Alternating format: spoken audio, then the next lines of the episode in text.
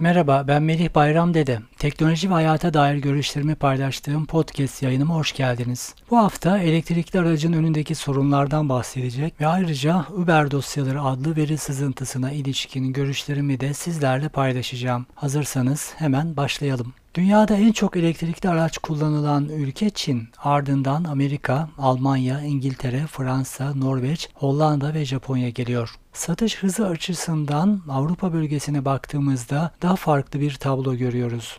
Avrupa Alternatif Yakıtlar Gözlemevi'ne göre Avrupa'da en az elektrikli araç satılan ülke Türkiye. Listenin ilk 5 sırasında Norveç, İzlanda, Hollanda, İsveç ve Avusturya var. Türkiye, Çekya, Estonya, Slovakya ve Kıbrıs Rum kesiminin ardından listenin sonunda yer alıyor. Türkiye fosil yakıtlar açısından kaynak bir ülke olmamasına rağmen bu konuda teşvik sağlanamadı ve elektrikli araç yaygınlığında istenilen başarı yakalanamadı. Birçok ülkede elektrikli araçlar vergi indirimiyle teşvik edilip fosil yakıtlı araçların yollardan çekilmesi hızlandırılırken bizde TOK sayesinde sınırlı bir vergi teşviği yeni gündeme geldi. Elektrikli araçların yaygınlaşmasının önünde en büyük engel vergi yükü. Bu vergi yükü temiz enerjili araçlar lehine iyileştirilerek geri kalmışlığımız giderilebilir. Bir başka sorunsa ülke genelinde yeterince şarj istasyonu bulunmayışı. Farklı özel girişimler bulunmakla birlikte bunların her noktaya ulaşmadığını görüyoruz. Bu konuda Sanayi ve Ticaret Bakanlığı'nın elektrikli araçlar için hızlı şarj istasyonları destek programı başlatması önemli. Bu adım iyi bir başlangıç olabilir. Türkiye'nin bir de elektrik altyapısı sorunu var.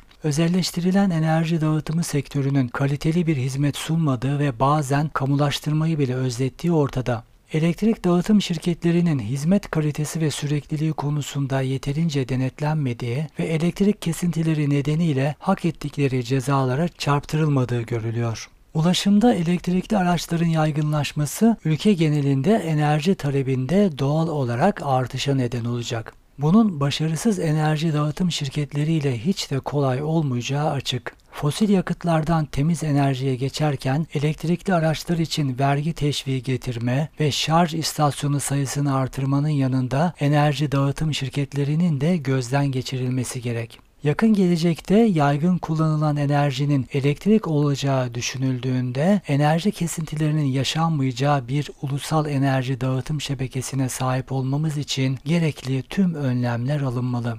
Geçtiğimiz yıllarda karşılaştığımız pek çok ilimizi etkileyen, nedeni pek de izah edilemeyen zincirleme elektrik kesintisi gibi olaylara karşı sürekli tatbikatlar yapılmalı. Doğal afetler dışında elektrik kesintisi yaşanmamalı. Enerji dağıtım şirketleri planlı bakım ve yeni aboneye enerji verilmesi gibi rutin işler için saatlerce kesinti yapmamalı. Bir şebekede çalışma yapılacaksa çalışma süresince kurulacak alternatif hattan enerji verilip o bölgenin kesintiyi hiç hissetmemesi sağlanmalı. Elektrik savaş hali dışında kesintiye uğrayan bir hizmet olmamalı. Ulusal enerji şebekemiz sadece savaşta elektrik kesilebilir izlenimi oluşturacak kadar vatandaşa güven vermeli. Bu yayında değinmek istediğim bir başka konu da Uber dosyaları adlı veri sızıntısının kafalarda yarattığı sorular. Türkiye'de ticari taksilerle yolculukta düzensizlik olduğu herkesin malumu. Ne kadar çaba sarf edilirse edilsin bu sektörde hizmet kalitesini iyileştirmek mümkün olamıyor maalesef. Uber adlı şirketin tüm dünyada ulaşım sektöründe hizmet kalitesini iyileştirdiği bir gerçek. Türkiye'ye de giren, yasal olarak engellenen, daha sonra yeniden ülkemize gelen şirketin dünya genelinde hedeflerine ulaşmak için etik dışı yollara başvurduğu ortaya çıkmış durumda. Uber'in vukuatları kimliği ya da kimlikleri açıklanmayan kişilerce ilk olarak İngiliz The Guardian gazetesine sızdırıldı. Uluslararası Araştırmacı Gazeteciler Konsorsiyumu da oluşturduğu çalışma grubuyla bu verileri sınıflandırarak yayınlamaya başladı. Uber dosyaları adıyla kamuoyunda ses getiren dosyalarda en çok dikkatimi çeken şey teknoloji odaklı bir girişim olan şirketin hile içinde teknolojiyi etkin kullanması oldu. Şirketin baskınlarda kullanılan yok etme butonu vardı mesela. En az 6 ülkede devreye alındığı belirtilen bu teknoloji baskın yapıldığında kamu görevlilerinden bilgi saklamayı amaçlıyor. Bu özellik aktif edildiğinde o ülkedeki sistemlerin Uber sunucularıyla bağlantısı kesilerek kanıtlar yok ediliyordu.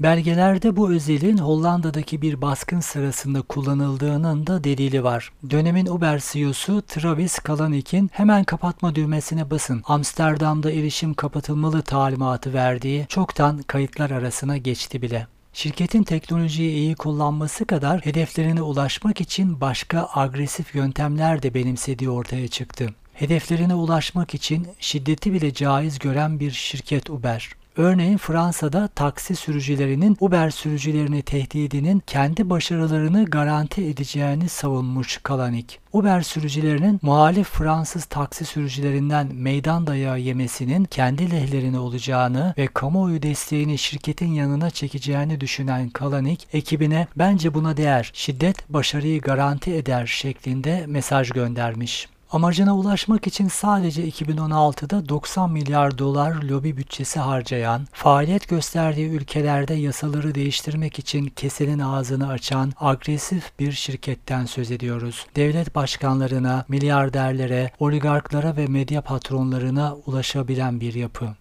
Uber girdiği ülkelerde çoğunlukla yasa dışı faaliyet gösteriyor. Yasal taşıma izinleri bulunmamasına rağmen kanunların arkasından dolaşıyor. Örneğin bir Uber yöneticisi korsanlık yaptıkları itirafında bulununca başka bir çalışma arkadaşı biz sadece yasa dışıyız diye cevap veriyor yazışmalarda.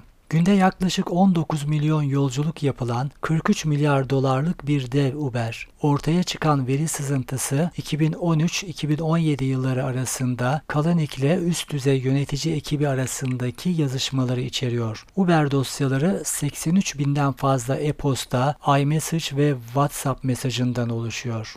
Bu haftaki podcast yayınımda elektrikli aracın önündeki sorunlar ve Uber dosyaları adlı veri sızıntısına ilişkin görüşlerimi sizlerle paylaştım.